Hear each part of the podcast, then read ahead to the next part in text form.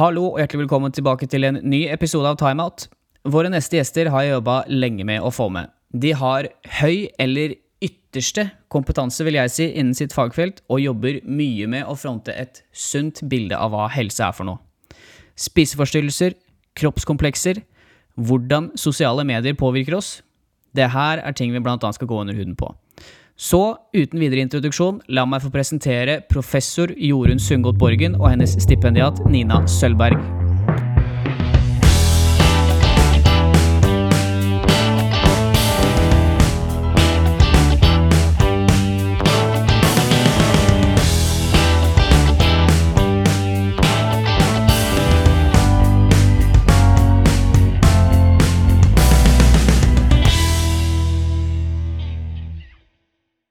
Jenter, hjertelig velkommen, og tusen takk for at dere tok dere tid til å, å være med her. Det setter jeg stor pris på. Hyggelig det, Pål. Det er, eh, det er ikke så lenge siden da. vi satt på andre siden av bordet og lysforhørte deg litt. Men du, jo, du, kunne sakene dine, du, så det var jo ikke noe problem. Men det var veldig gøy å samarbeide. Det var gøy, og jeg var veldig nervøs. da skal Jeg være helt ærlig. Jeg var førstemann ut av alle, var jeg ikke det? Noe rundt her. Ja, men man skal jo være nervøs når man skal forsvare en mastergrad. Absolutt. Ja. Det skal man jo. Nina, hvordan går det med deg? Det går fint. Jeg uh, har sittet lenge på hjemmekontor uh, i denne koronatiden og gjør det fortsatt. Som alle andre? Som alle andre. Veldig glad for fint vær og kunne bruke naturen. Litt sånn eh, Svaret, det, det, har vi kanskje allerede, men den, eh, det, var, det, blåste jo opp det her med jævla joggere, eller hva en overskriften var. Hva tenker dere om det?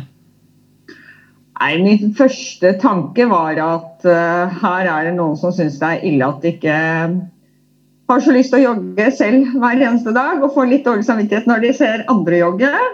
Og så vet vi jo samtidig da, at det er jo noen joggere og syklister og de som går på ski som, som ikke oppfører seg helt greit heller. Da, som syns det er viktigst å komme raskest mulig fra A til B og ikke ta hensyn til de som bare går og koser seg og har det fint.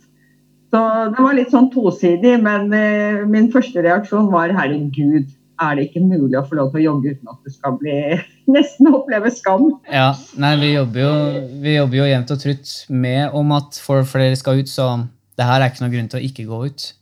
Nei, absolutt ikke. Tvert imot så, så, tenker jeg det er, det er, i disse tider man virkelig trenger gå ut og se lyset, selv om det av og til er litt dårlig vær også. Se lys, se noen mennesker, være i naturen, som Nina sa i sted. Det gjør noe med sinnet ditt. Ja.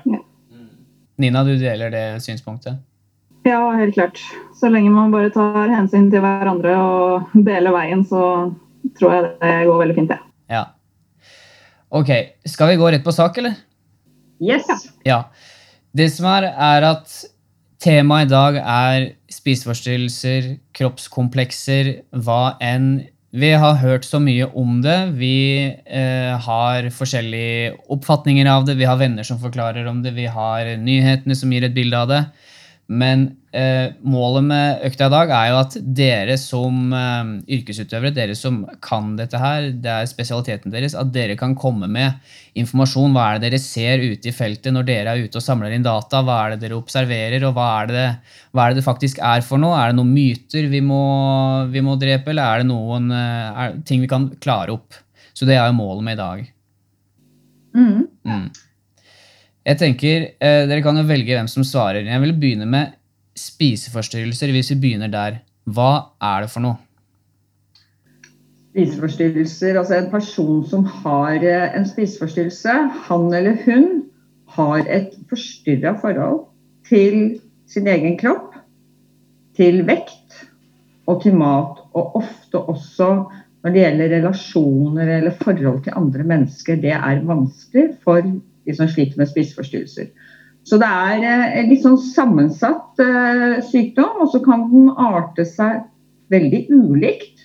Noen er ekstremt syke, både fysisk og mentalt, mens andre opplever og omtaler det som om åh, jeg er så stressa rundt mat. Det er så mye tanker. Jeg tenker mat, hva jeg skal spise, ikke skal spise, hele tiden. Men hvor de rundt ikke nødvendigvis opplever den personen som syk i det hele tatt. Fordi de aller fleste med spiseforstyrrelser de prøver egentlig å, å skjule dette eh, for personer som er rundt dem. Og Det er jo noe vi sikkert skal snakke om senere, men det er jo det som gjør det ganske vanskelig da, for, for oss rundt, enten det er venn eller venninne eller foreldre eller lærer eller eh, helsepersonell, og, og, skal hjelpe til.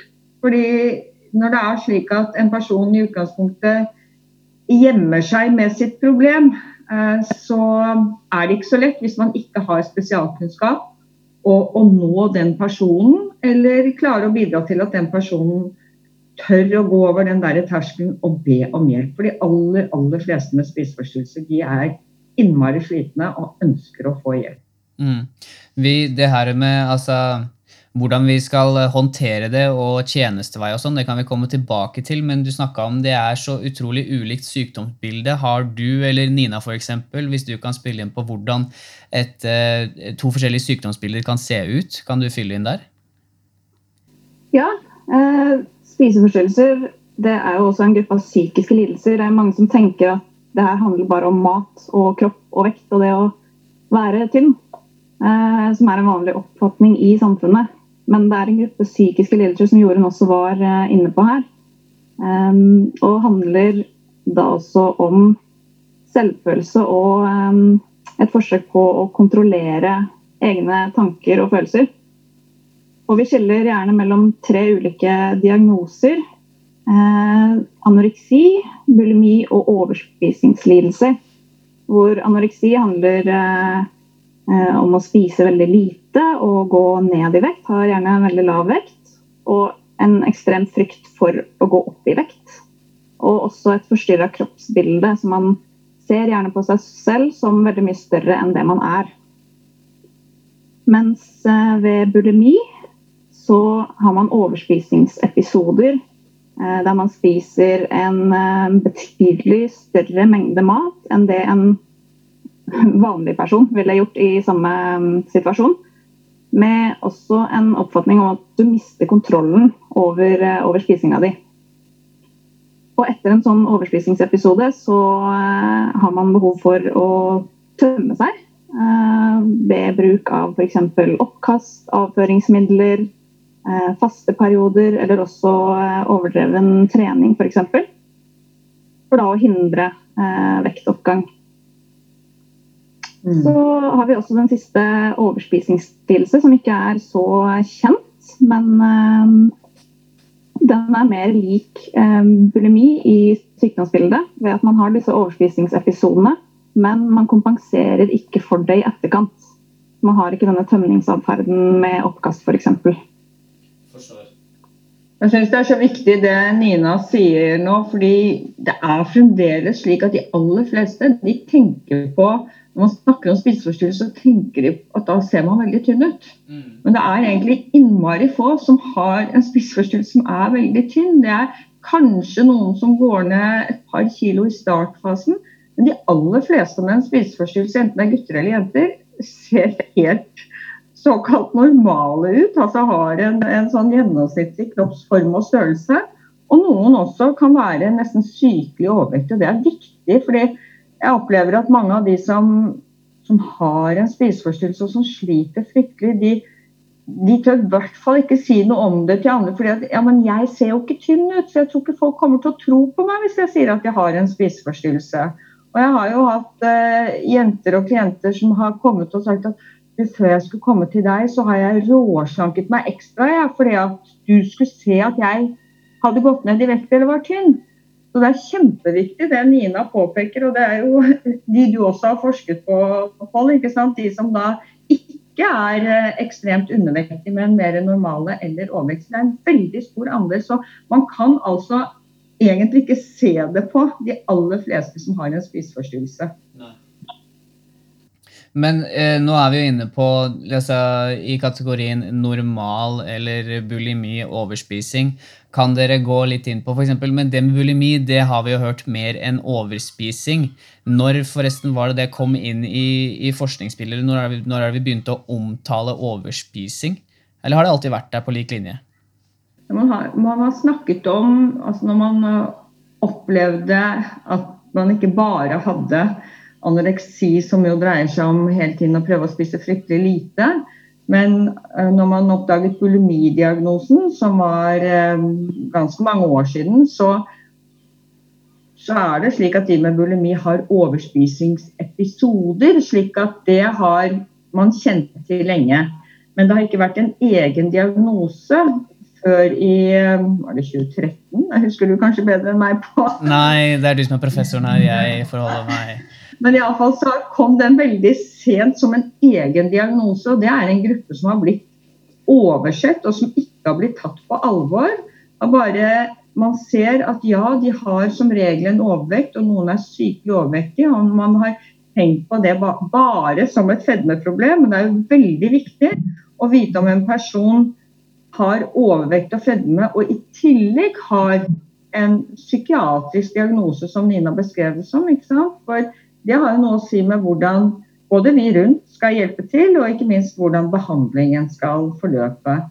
Og så syns jeg det er viktig det Nina er inne på, det med, med overtrening. ikke sant? At enten du da har anoreksi eller bulimi, også overspising, så ser en av og til det fenomenet. og Det er også litt sånn når du snakker om myter og sånn, mange snakker om at de overtrener, men kanskje Nina kan si litt mer om, om hva vi egentlig snakker om som fagfolk, da. Ja, Nina? Ja, for vi eh, snakker jo gjerne om Vi bruker ordet dysfunksjonell trening. Det kan, eh, kan også omtales som overdreven trening, tvangstrening. Eh, og da, hvis vi går på overdreven trening først, da, så, så, handler det om at man trener veldig mye, veldig ofte, veldig hardt. At mengden blir veldig stor eh, i forhold til det som kroppen din og du tåler. Og gjerne med et motiv om å eh, ja, trene for å forbrenne mest mulig kalorier, f.eks. Eh, så har vi også det aspektet med tvangstrening, hvor man føler seg tvunget til å trene.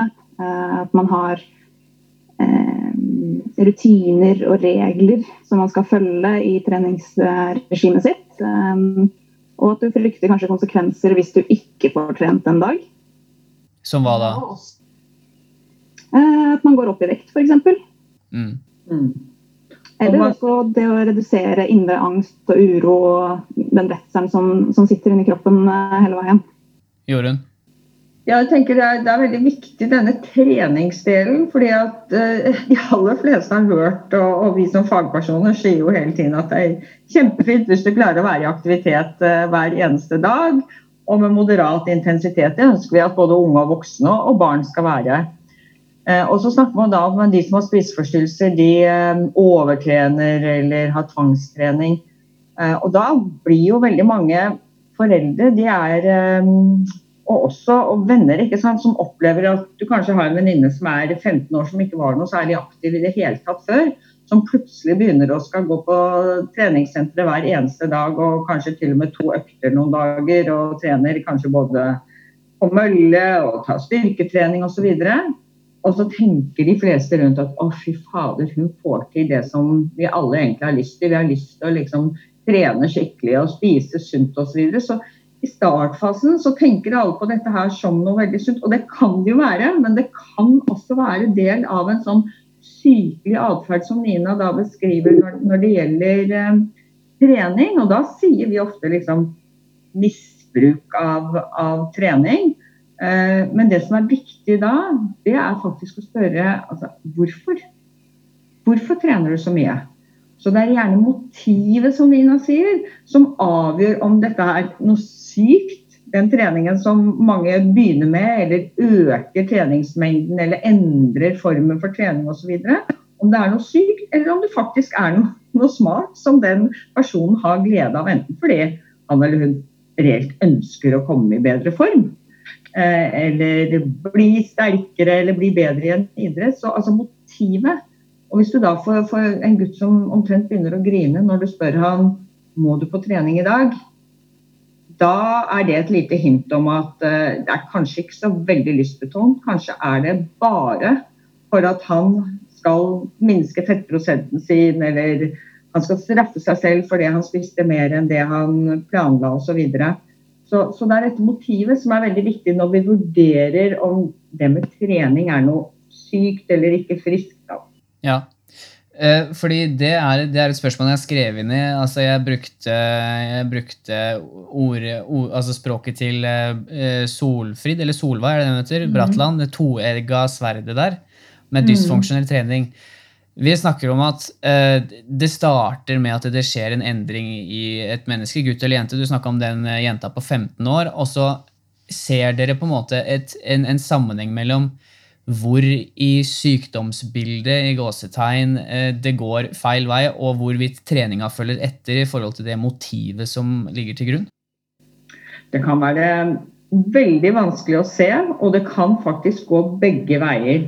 Det kan være personer som eh, i utgangspunktet da har det bra og er friske, og som av ulike grunner, enten det er et traume, en alvorlig syk mamma som gjør at denne gutten blir fryktelig engstelig for å miste mammaen sin, og ønsker å ta kontroll, som Nina sier, over noe i livet sitt som kanskje er nettopp det å spise, og bare bestemmer seg for at nå skal jeg bare spise kjempesunt, og jeg skal i hvert fall være veldig sunn. Og så kombinerer dette her med, med, trening, og kanskje moderat tre ganger i uken, som vi syns er helt topp, liksom. Går og spiller fotball to ganger i uken og på treningssenter én gang i uken. Men så strammer dette seg etter hvert til at han, det, er liksom, det er ikke nok det han gjør, han må gjøre enda mer for å få den der godfølelsen at jeg har kontroll. Jeg har gjort mitt for å, å bli med her, liksom.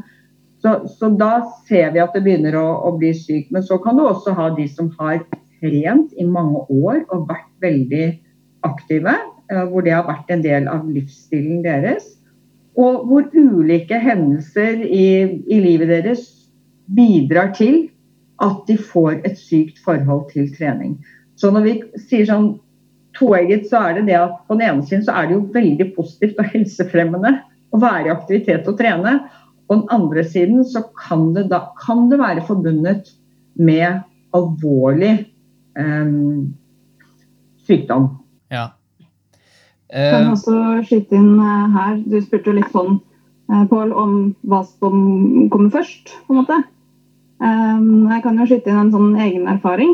Um, med, jeg har også vært innblanda i denne problematikken her, og for min del så starta det egentlig med treninga. At jeg fikk et eh, litt usunt forhold til trening. Hvordan da? Eh, både overdreven trening og tvangstrening, egentlig. Eh, og også tvangstanker om trening, som man også kan kalle det i, senere tid. Med at man, man, tenker veldig mye at man skal trene så og så mye og da og da og løpe så og så langt osv. Og, så og så får man ikke satt det helt ut i livet. Mm. Um, men eh, ja, som jeg sa, så jeg begynte å tvangstrene og overtrene samtidig som jeg drev med eh, toppidrett ved siden av. Mm. Så det blei veldig mye trening. Og så fylte jeg ikke på med nok energi ved siden av. Så jeg gikk en del ned i vekt. Og det var da det ble vanskelig å gå opp igjen. Ja. Mm.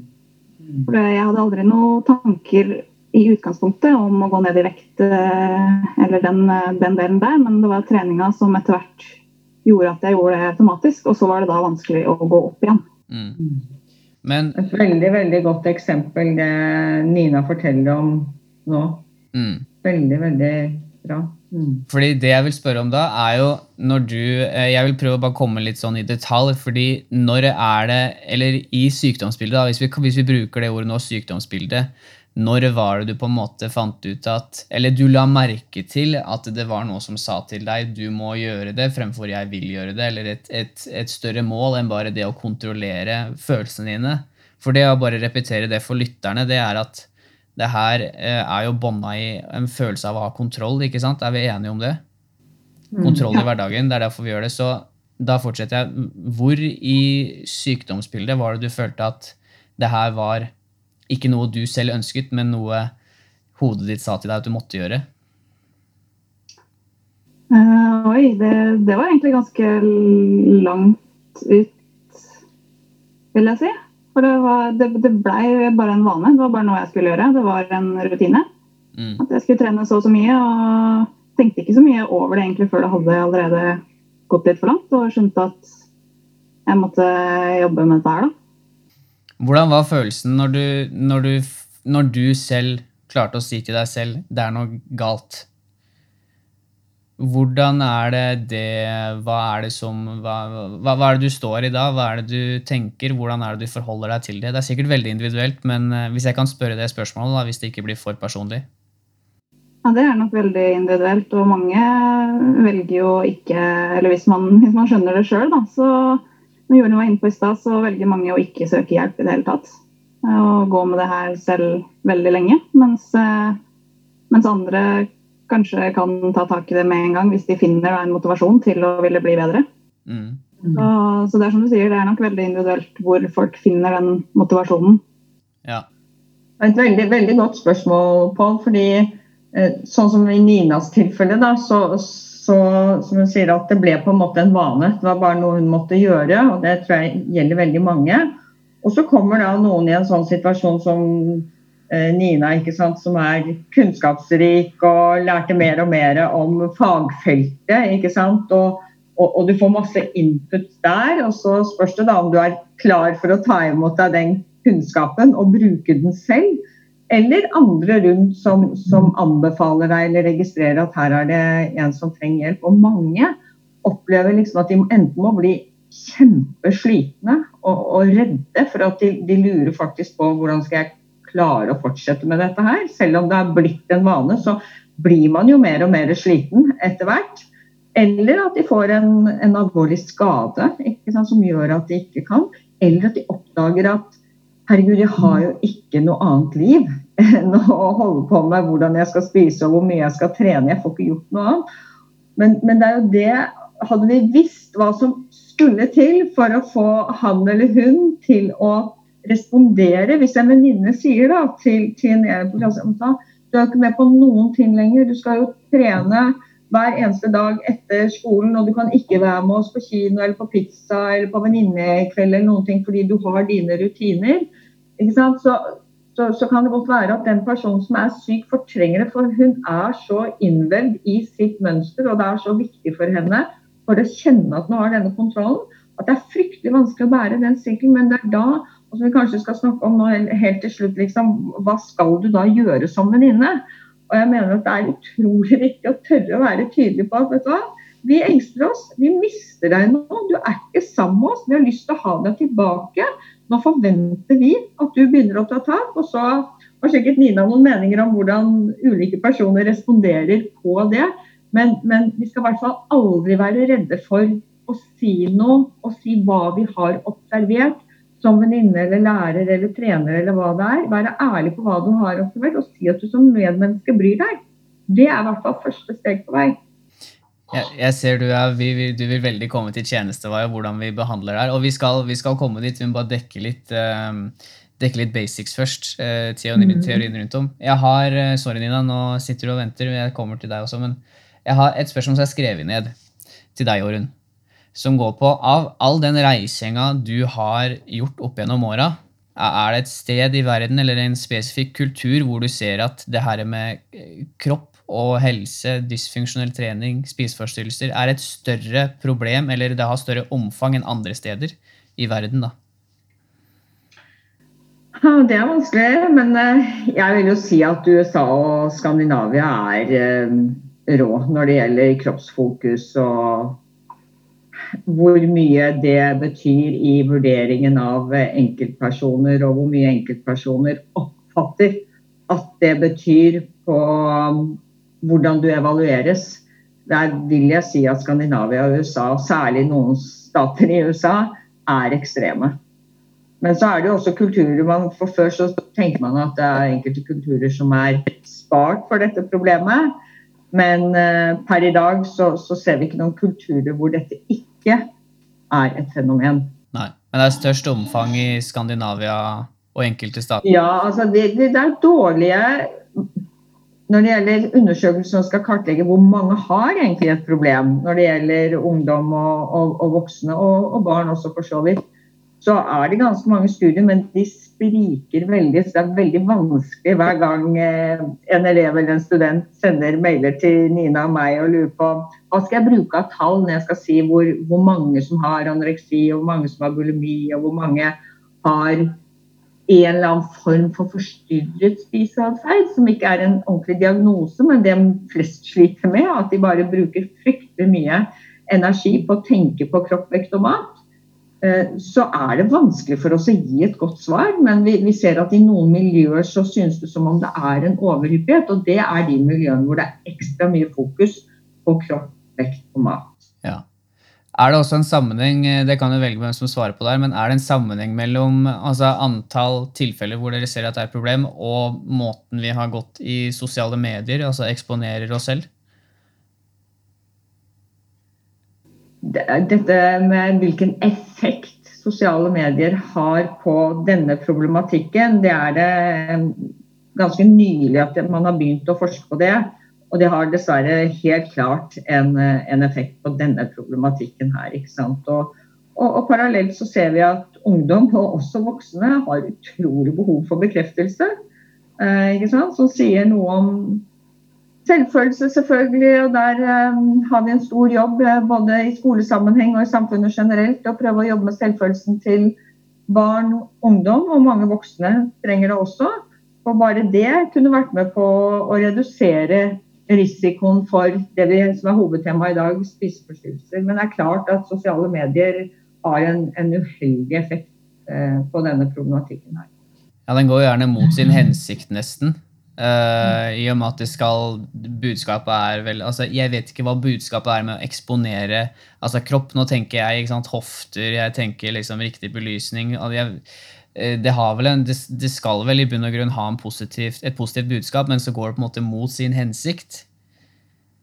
Hvis det Ja, jeg, jeg mener at det ødelegger for fryktelig mange. Og, og, og selvfølgelig denne verden at så mange unge mennesker lever et liv hvor de hele tiden er på scenen. De skal fremstille seg selv som the very best hele tiden, og, og livet er ikke sånn. Nei. Alle vi har dager hvor du sitter alene og griner, eller er lei deg, eller syns at uh, alt går imot deg. Og så har vi mye bedre dager og veldig mye bedre dager. Sånn er livet for de aller, aller fleste. Mens i dag så er det jo slik at måten de framstiller seg på, det er jo bare halleluja alt sammen. Og du, som du sier, du gjør deg slik som du anser, så fint som mulig også, i tillegg til at det skal se ut som om du har det innmari bra. Ja. Og det, det, det, er skummelt, for det er klart at jo lenger gapet er mellom hvordan du prøver å framstille deg, og hvordan du faktisk har det, jo større er risikoen for at du får ulike problemer knyttet til psykisk helse. Det er Sånn at stort sett alle ungdom og stor del av den voksne befolkningen også er jo på sosiale medier i dag. Og uansett om man vil eller ikke, så, så blir man påvirka på et eller annet vis i en eller annen grad. Og det dukker opp reklamer her og der. og ja, det er eh, ekstremt vanskelig å unngå å bli, eh, bli påvirka av eh, alt det som er på sosiale medier. Vi har jo gjort en studie på, på Norges idrettshøgskole, nå to stipendiater. Og, og, det er jo helt klart at, som Nina sier, er, alle er der.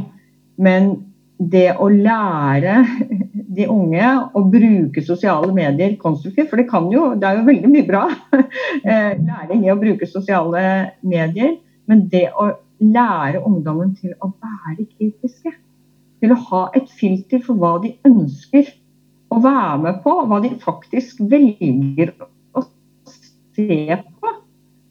Uh, og, og, da sier jo ungdommen det at vi er drittlei dette kroppspresset og, og, fokuset. Vi vil gjøre noe med det. Og da må de bevisstgjøres at de faktisk er med på å opprettholde så lenge de eh, hele tiden ja, ser og følger personer som veldig langt fra legger ut noe som uh, er konstruktivt i forhold til ungdommens selvfølelse og helse. Har du et praktisk eksempel eller en av dere som dere har observert? Altså, er det en tendens dere ser som, er, som skjer mye oftere enn noe annet? Altså, er det noe som går igjen? I forhold til dette med forventninger til seg selv og andre, og hvordan vi forholder oss til uh, våre likeverdige klassekamerater, hva det måtte være for noe? det er jo sånn at i, jeg tenker at Man har lettere for å sammenligne seg selv med idealer som, som kanskje ikke er oppnåelige. Um, mange bilder er jo rett og slett retusjert. Uh, Endra på. Så det er ikke ekte engang i sosiale medier.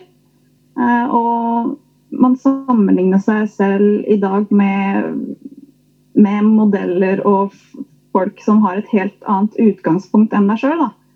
Eh, så for en helt eh, vanlig eh, gutt eller jente eller person som har jobb og venner og kanskje familie og mm, ja, vil, vil leve et kanskje mer A4-liv, så, så er det ja, Du har ikke de samme forutsetningene som en modell eller idrettsutøver som kanskje jobber for akkurat de målsetningene med prestasjon eller kropp eller hva hva enn målet er. da.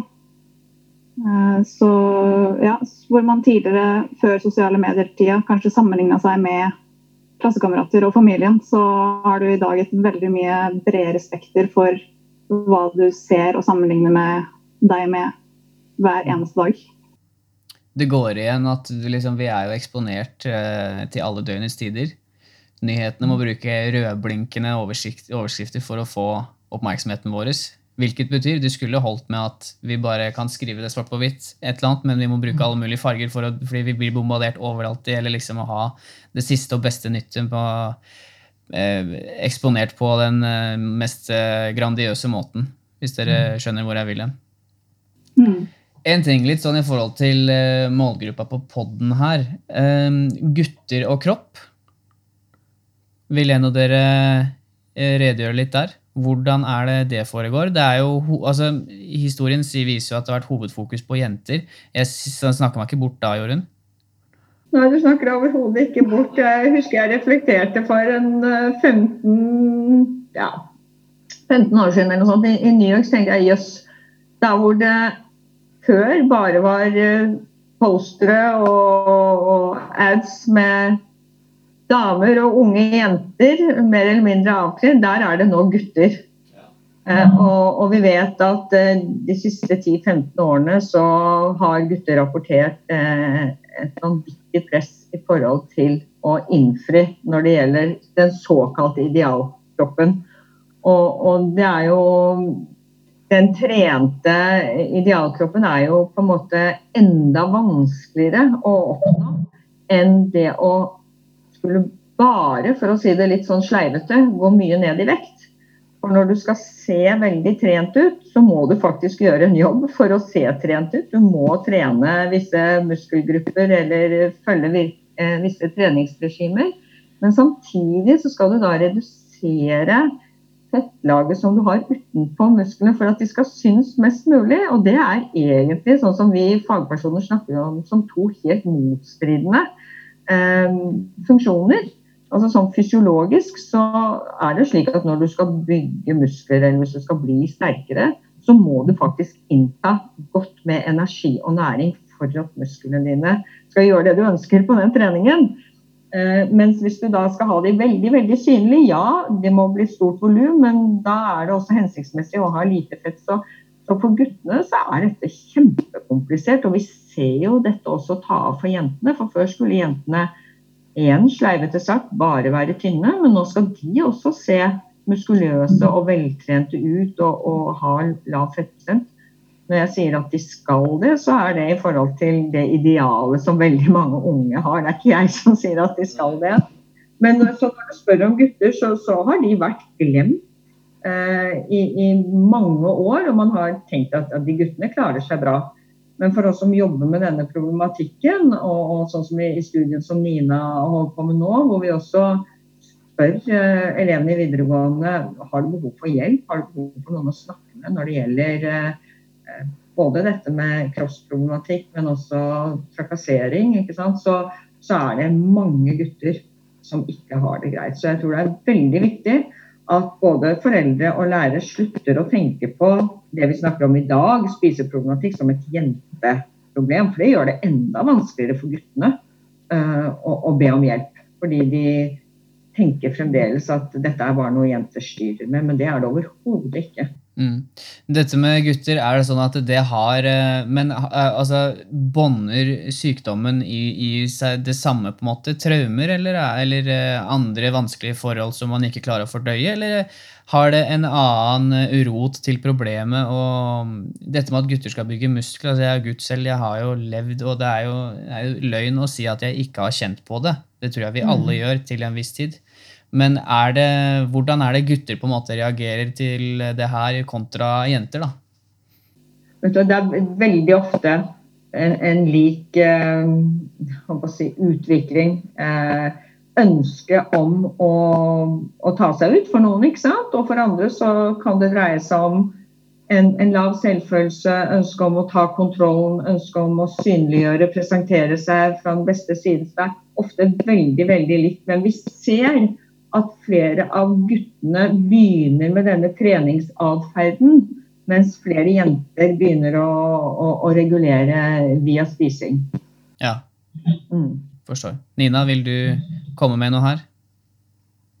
Eh, jeg tror Jorunn har dekka det neste her. Så jeg kan komme med en liten erfaring fra prosjektet mitt, som Jorunn var så vidt inne på. Det, når vi har vært rundt og snakka med ungdommer, så er det jo veldig mange gutter som som ønsker et mer fokus Eller de, de sier ofte at de sliter med å gå opp i vekt mm. enn å gå ned i vekt. De vil opp i vekt. Uh, I forbindelse med dette med, med, kropp og muskler og alt det som vi har vært inne på. Så, så de, de, rapporterer oftere uh, at de sliter med å heller ville ha en høyere vekt enn lavere vekt. Da. Har det, har det et eh, navn i eh, litteraturen? Har det, så vi har noe å forholde oss til. Har det et navn, det her? Eller er det forskjell på det her med å altså lav fettprosent, stort muskelvolum, eller eh, hva det måtte være for noe? Det, det, er noen, det, er, det er ikke en medisinsk eller psykiatrisk diagnose, men det omtales som megareksi når, når gutter eller menn, nei, gutter eller jenter ønsker å bli veldig store, veldig muskuløse. For det er jo det Nina snakker om her når hun snakker om vektøkning, så er det jo ikke at de ønsker å bli tykkere, men at de ønsker å få mer muskelmasse, bli større gutter og, og synlig muskelmasse. Som da for det utgjør også en, en, økt vekt, ikke sant, som hun sier at de ønsker. Men, men eh, noen ville ha lest om såkalt megareksi, som da blir omtalt som det omvendte av anoreksi, hvor du ønsker å bli veldig liten og tynn, mens megareksi ønsker å bli veldig stor. Og, og, det som karakteriserer de, er også sånn som Nina sa innledningsvis når hun snakker om de ulike diagnosene, så er det slik med de som da har denne tilstanden megareksi, at de, de kan ikke Hvis jeg spurte ok, hvor stor skal bicepsmuskelen din bli, da, eller sixpacken din, hvor tydelig skal den bli, så kan de ikke si liksom, at omkretsen skal være så og så mye. De skal bare bli større. Akkurat som en med anoreksi vil si jeg skal bare bli tynnere. Ja. Så, så, ja, det er definert som en tilstand, og, og, man ser jo at mange av de som har denne såkalte megareksien, har eh, kroppsbildeforstyrrelse og har mange av de symptomene som, eh, som Nina skisserte for de andre spiseforstyrrelsene. Ja. I tillegg til megareksi da, så er det også en eh, det er, det er, heller ikke en diagnose, men ortoreksi er det også noen som kanskje har hørt om. Mm. Som går mer på å spise riktig, spise reint. Mm. mm. Mens megareksi går mer på treningsfronten. Så det er jo, Hvis jeg skal prøve å oppsummere litt her, så handler det altså det er utrolig fint det dere har sagt. Eh, det handler litt om eh, motivet for mye av det. Kan vi oppsummere det litt sånn? At det er motivet som avgjør hvorvidt eh, man utvikler en sykdom eller man, eh, eller man har et sunt forhold til det. Stemmer det? Ja, altså Når vi snakker spesielt om, om dette med, med, treningsdelen, og det kan jo også være eh, spisedelen, ikke sant? som du sier, motivet for det. For det kan jo være helsefremmende og smart å endre spiseatferd fra et sånn veldig ustrukturert kosthold og, og, mye drittmat, som vi kaller det, da, til, til å ha regelmessige måltider og spise smart mat. Og også dette med trening fra å ha trent eller vært veldig lite aktiv til å begynne å trene kan jo være helsebringende, men det kan også være destruktivt hvis det bare er for å straffe seg selv, for å ta kontroll, og det er ikke forbundet med noe lyst eller glede i det hele tatt. Og det samme med spisingen. Hvis det blir en tvang, det blir noe negativt hele tiden, så er det i hvert fall et, et symptom på at her er det en som er ute å kjøre. Ja. Greit. Og noe av risikoen her når du snakker om utvikling, det er jo at de fleste tenker at jeg skal bare holde på en liten stund. Jeg skal bare spise mindre en liten stund. Jeg skal bare trene mye nå en stund, så jeg kommer akkurat dit jeg vil osv. Og, og så er det da at de aller fleste slutter med all denne treningen, eller slutter å spise veldig lite og, og blir seg selv igjen, blir, blir helt friske. Men så vet vi ikke hvem det tipper over for. Og da begynner vi som fagpersoner å snakke om en sånn sårbarhet. Noen har en sårbarhet, har en disposisjon Akkurat som at noen bærer med seg et gen med diabetes eller allergi, ikke sant? og at de der er mer sårbare for å utvikle dette. Så er det noen som er mer sårbare for å utvikle en spiseforstyrrelse og andre psykiske lidelser. F.eks. har du en mamma som har slitt med mm, depresjon eller angst, så er det en høyere risiko for at du også kommer i den situasjonen som sønn eller datter. Og det samme gjelder eh, spiseforstyrrelser.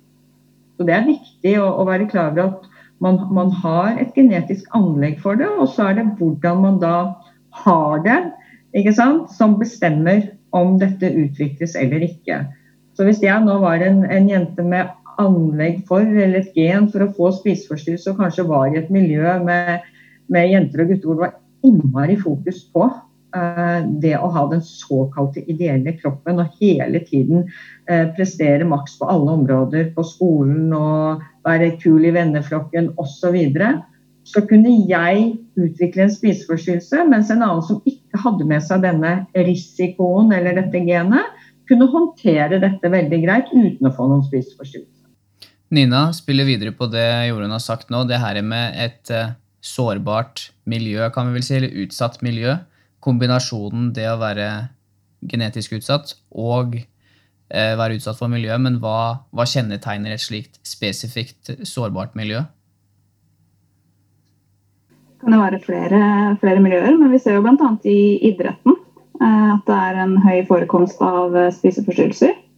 Eh, det kan være mm, vektklasseidretter, estetiske idretter som eh, turn, stup, kunstløp, Eh, der man eh, ja, ofte også blir bedømt på hvordan man, man ser ut. Vektklasseidretter, ja. Der man ja, hele tida prøver å komme seg innafor en, en, vektklasse. Det kan være en sårbarhet.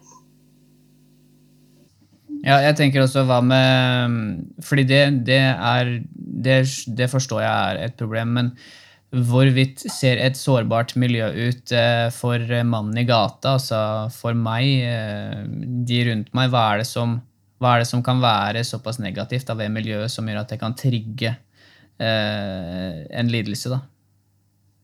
Hvis du, hvis du f.eks. er i en, en guttegjeng da, hvor det stadig vekk snakkes om eh, kropp og, og, mat. Og det er spesielle dietter som er inn og, og følger, f.eks. Eller veldig fokus på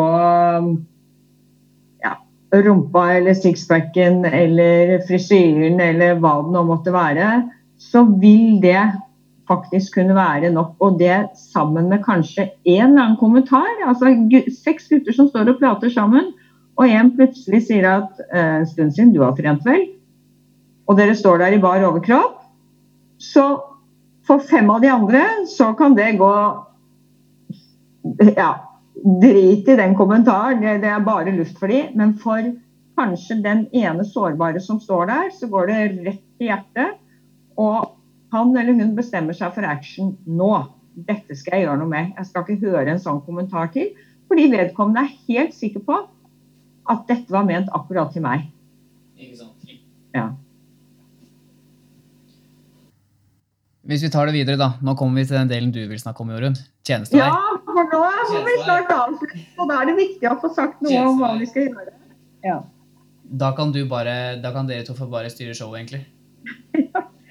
Ja, som, som, vi snakket om innledningsvis, så er det veldig viktig. Eh, og hvis vi tenker på de rundt en som har problemer, det er å tørre å si hva du har registrert, og tørre å være ærlig på at jeg er bekymret. Og, og, da pleier Nina og jeg alltid å si sånn at hvis det er snakk om en lærer eller venn eller venninne, så er det innmari viktig at du ikke begynner å ringe rundt til de som er venninner eller andre lærere eller foreldre til venninner av den det gjelder, og forhøre deg før du tar opp det du har observert, med den ene du er bekymret for. Og jeg tenker at for de aller fleste av oss, hvis vi har en sånn magefølelse av at det er ikke sikkert at noen har gått ned i vekt, eller at man har sett noe veldig spesielt på, på spising, men du bare registrerer at hun eller han er annerledes enn det de var for et par måneder siden. Det er et eller annet som, som Du kan kanskje ikke helt selv sette ord på det, men du merker at hvis jeg nå hadde kjent Nina lenge, og, og plutselig merket at hun ble så stille tok aldri liksom ordet, og hver gang vi skulle et eller annet sosialt, så hadde hun en unnskyldning for at hun ikke skulle være med. Så liksom gikk bare kjapt ut av klasserommet uten noe skravling med de andre. Alene i garderoben, ikke noe fleiping eller sånn. Da er det berettiget å spørre åssen har du det? Men du må da bare passe på at du gjør ikke det nødvendigvis når alle andre er rundt. Men da ville jeg sagt til Nina, hvis hun var den jeg da hadde sett at fader, jeg tror ikke hun har det OK. Jeg sa har du tid til å prate litt med meg rett etter skolen i dag, eller Eh, skal vi møtes på torsdag? Sånn at du avtaler. Og da kan du få et sånt første vink på at den personen du mistenker at ikke har det OK, blir litt sånn skremt. Oi, hvorfor skal Jorunn snakke med meg nå, liksom? Har hun skjønt at jeg sliter? Nei, det tør jeg ikke å være med på en sånn samtale. Og hvis da Nina hadde svart meg at å nei, jeg har ikke tid, eller bare sendt en SMS at ja, vi avtalte, men jeg har ikke tid allikevel, jeg glemte at jeg hadde en avtale, da er det et signal til meg om at her er det noe jeg ikke bør gi meg på. Og da skal jeg spørre Nina igjen. Du, du kunne ikke sist gang, men, men, men jeg, jeg, vil veldig gjerne snakke med deg, jeg. Og prøve da, hvis du kommer i den dialogen, å få den personen som du tenker at har en utfordring, til å snakke selv. Åssen har du det egentlig? Jeg husker en gang en spurte meg om det. For vi er vant til at folk spør liksom, åssen har du det. Så sier jeg sånn som alle andre. Å, jeg har det jo kjempefint. Vi vil gjerne utad ha det fint. Og så spurte vedkommende meg en gang til ja, men Jorunn, åssen har du det egentlig? Og da begynte jeg å grine. Og Det betød jo at jeg hadde det ikke bra. ikke sant? Og det tror jeg gjelder veldig mange andre også. Så tør å spørre en gang til. Og så sier du det er noe jeg føler, når jeg har fulgt med deg nå siden vi begynte på semesteret i høst, at du virker ikke sånn glødende energisk. Er du, er du sliten? Har du det OK med, med vennene dine? Hvordan er det hjemme? Prøv å få den i tale. For det er ikke sikkert at, at den personen har, snak, har, lyst til å snakke om at jeg spiser så og så lite, eller jeg jeg har begynt å kaste opp, eller jeg har begynt å tvangstrene. Det er ikke sikkert jeg har lyst til å snakke om det, men du kan få første napp at hun, hun, eller han har det ikke OK. Og så kan dere avtale et nytt møte. Og da kan du kanskje være den som sier at vet du hva, det høres ut som når du sier at du ikke får sove om natta, og at du ikke lenger tør å spise noe snop, og at du føler at du må trene hver dag. Det blir et forferdelig slitsomt liv. Har du lyst til at vi sammen skal finne ut hvem av de voksne du skal snakke med? For det er noen voksne for de aller fleste som du føler at du kan ha tillit til. Enten det er helsesykepleier på skolen, eller det er læreren din, eller kroppsøvingslæreren, eller en av foreldrene dine, eller kanskje foreldrene til venninna di. Noen voksne, hvis du ikke går direkte til helsepersonell, slik at du kan begynne den prosessen for da har du virkelig begynt veien ut av det, selv om den veien kan være lang hvis du har en alvorlig spiseforstyrrelse. Men det er mange, og de aller fleste blir friske hvis de får hjelp. Jeg vil bare spille inn på videre. Så det handler egentlig fordi vi snakker om hvordan vi kan snakke med noen som sliter om det her. Uh, og det er, mest, er, det mest sannsynlig det dere ser, at det er ved å vise omsorg eh, vi kommer til eh, kjernen, eller vi begynner å i hvert fall nøste opp den hårballen som har danna seg. At man må vise omsorg. Ja. Og man må tørre å spørre hvis, uh, hvis man er bekymra. Um, og da være klar for å ta imot et svar. Da, som Jørgen sier, hvis du, hvis du, spør bare på gata om eh, hvordan har du det, så vil det bare komme bra tilbake. Mm. Det, er, det, det, er, vanlig. Men eh, prøv igjen og vis at du er villig til å høre på det som personen har å si når den skal svare deg igjen. Og det, da må du også forberede deg sånn at du faktisk eh, er på et sted hvor eh, dere ikke er med en haug av andre. Sånn at ja, det er mulighet da, for å kanskje sitte igjen en time hvis man trenger det. Mm. og ikke bare ha den to-tre minutteren på vei, på vei hjem fra trening. Mm. Og da tenker jeg også Det er veldig viktig hvis du er venninne eller medelev eller medutøver, hvis dere trener sammen eller som lærer eller trener, at du har sjekket litt i forkant når du har tenkt å ta en sånn prat med en du bryr deg om som du antar at ikke har det ok. Det kan jo dreie seg om helt andre ting. Det kan være at personen bare er innmari lei seg for tiden fordi at det er noe som foregår hjemme. Eller det har foregått noe på nettet, eller det har foregått noe som gjør at den personen ikke har det ok. Men hør med. altså Hvis jeg nå var eh, jobbet på en skole, så ville jeg ha sjekket med helsesykepleier når er helsesykepleier tilgjengelig. I tilfelle det skulle være slik, da, hvis jeg snakket med Nina og, Nina sa vet du hva, jeg har det faktisk Jeg har det ikke bra. Jeg sover ikke. ikke sant? Hun forteller meg noe som krever at hun får hjelp. Da er det fint at jeg kan si vet du hva, helsesykepleier er der på torsdag eller neste tirsdag. Jeg kan godt bli med deg bort ikke sant? Jeg følger deg, eller jeg kan ringe og si at du kommer. At man har forberedt seg litt på den samtalen, slik at man også kan si at vet du hva, jeg vet at moren til Anne f.eks. hun kan en del om sånne ting. Skal vi spørre om vi kan snakke med henne? Så forbered deg litt på at det kan være at du får et sånt svar som Nina sier at det er faktisk ikke OK. Mm. Og det kan være at du må forberede deg på å tåle å se at en rister av gråt. For det kanskje er du er den første som har spurt om hvordan har du det egentlig, og som person tør å åpne seg om. Da tror jeg også det er veldig viktig å tenke på hvis du gjør det som en venn, at du ikke skal da være behandler. Mm. Men at du, selv om du vet om dette her, så er det ikke du som skal eventuelt behandle personen, men du kan hjelpe den til å komme inn i et system. Og så fortsette å være en venn, da finne på, eh, finne på, ting. Og dere kan selvfølgelig gjerne snakke om det hvis det er eh, et problem man ønsker å snakke om, men mm. det er ikke mm. nødvendig det heller. Hvis man Nei. kommer inn til helsesykepleier eller til lege og videre behandling, så, så kan den delen ta seg av det, og så mm. du, fortsetter du å være en venn, rett og slett. Mm. Det syns jeg var en veldig bra avslutning. Paul. Det var veldig bra. Vi skal avslutte nå. Kan jeg få gi dere et siste spørsmål? Kort. Har du tid til det, Jorunn? To minutter? Ja, siste spørsmål tar to sekunder. Ok, Mitt spørsmål er hvordan ser dere det her hele det med spiseforstyrrelser, altså bevegelsen, at vi må bevisstgjøres på det? Hvilken vei går det, og hva har dere til tips for de som skulle slite eller kjenner noen som sliter? Da vil jeg si helt avslutningsvis at uh, jeg er bekymret for utviklingen. For jeg opplever at uh, skolene. Jeg vet at skolene skal eh, ordne alt mulig, og lærerne har fryktelig mye de skal gjøre. Men jeg mener at forebyggende tiltak må settes i system. Helst veldig tidlig, allerede på barnetrinnet, eh, for å forebygge eh, negativ kroppsopplevelse, dårlig selvfølelse hos gutter og jenter. Da tror jeg vi har veldig mye å hente. Og selvfølgelig bevisstgjøring hos de voksne, enten det da er lærere eller andre viktige voksne rundt, i forhold til denne problematikken. Det må settes i system. Hvis ikke klarer vi ikke å forebygge at mange jenter og gutter går rundt og sliter og får ødelagt livskvalitet i mange år. Når det er sagt, så vet vi at veldig, veldig mange, de aller fleste av de som er syke, og som tør å oppsøke hjelpeapparatet, og som får hjelp, de blir friske. Så Det er viktig å vite at det er absolutt mulig å bli frisk fra en spiseforstyrrelse.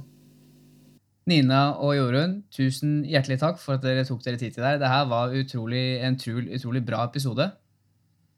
Det var hyggelig å møte deg igjen, Pål. Hyggelig å møte deg igjen. Greit. Da får dere ha en god dag videre, begge to. Og lykke til, Nina, med jobben, og samme til deg, Jorunn. Så prates vi plutselig senere. Yes. yes. Ha det, ha det. Ha det bra. Tusen takk for at du tok deg tid til å høre på. Det her synes jeg var en sykt bra episode. De er ekstremt flinke til å ordlegge seg, og jeg håper og tror at de kommer til å fortsette å gjøre en positiv innvirkning i tida som kommer. Når det er sagt, så ønsker jeg dere da en god dag videre, og snakkes senere.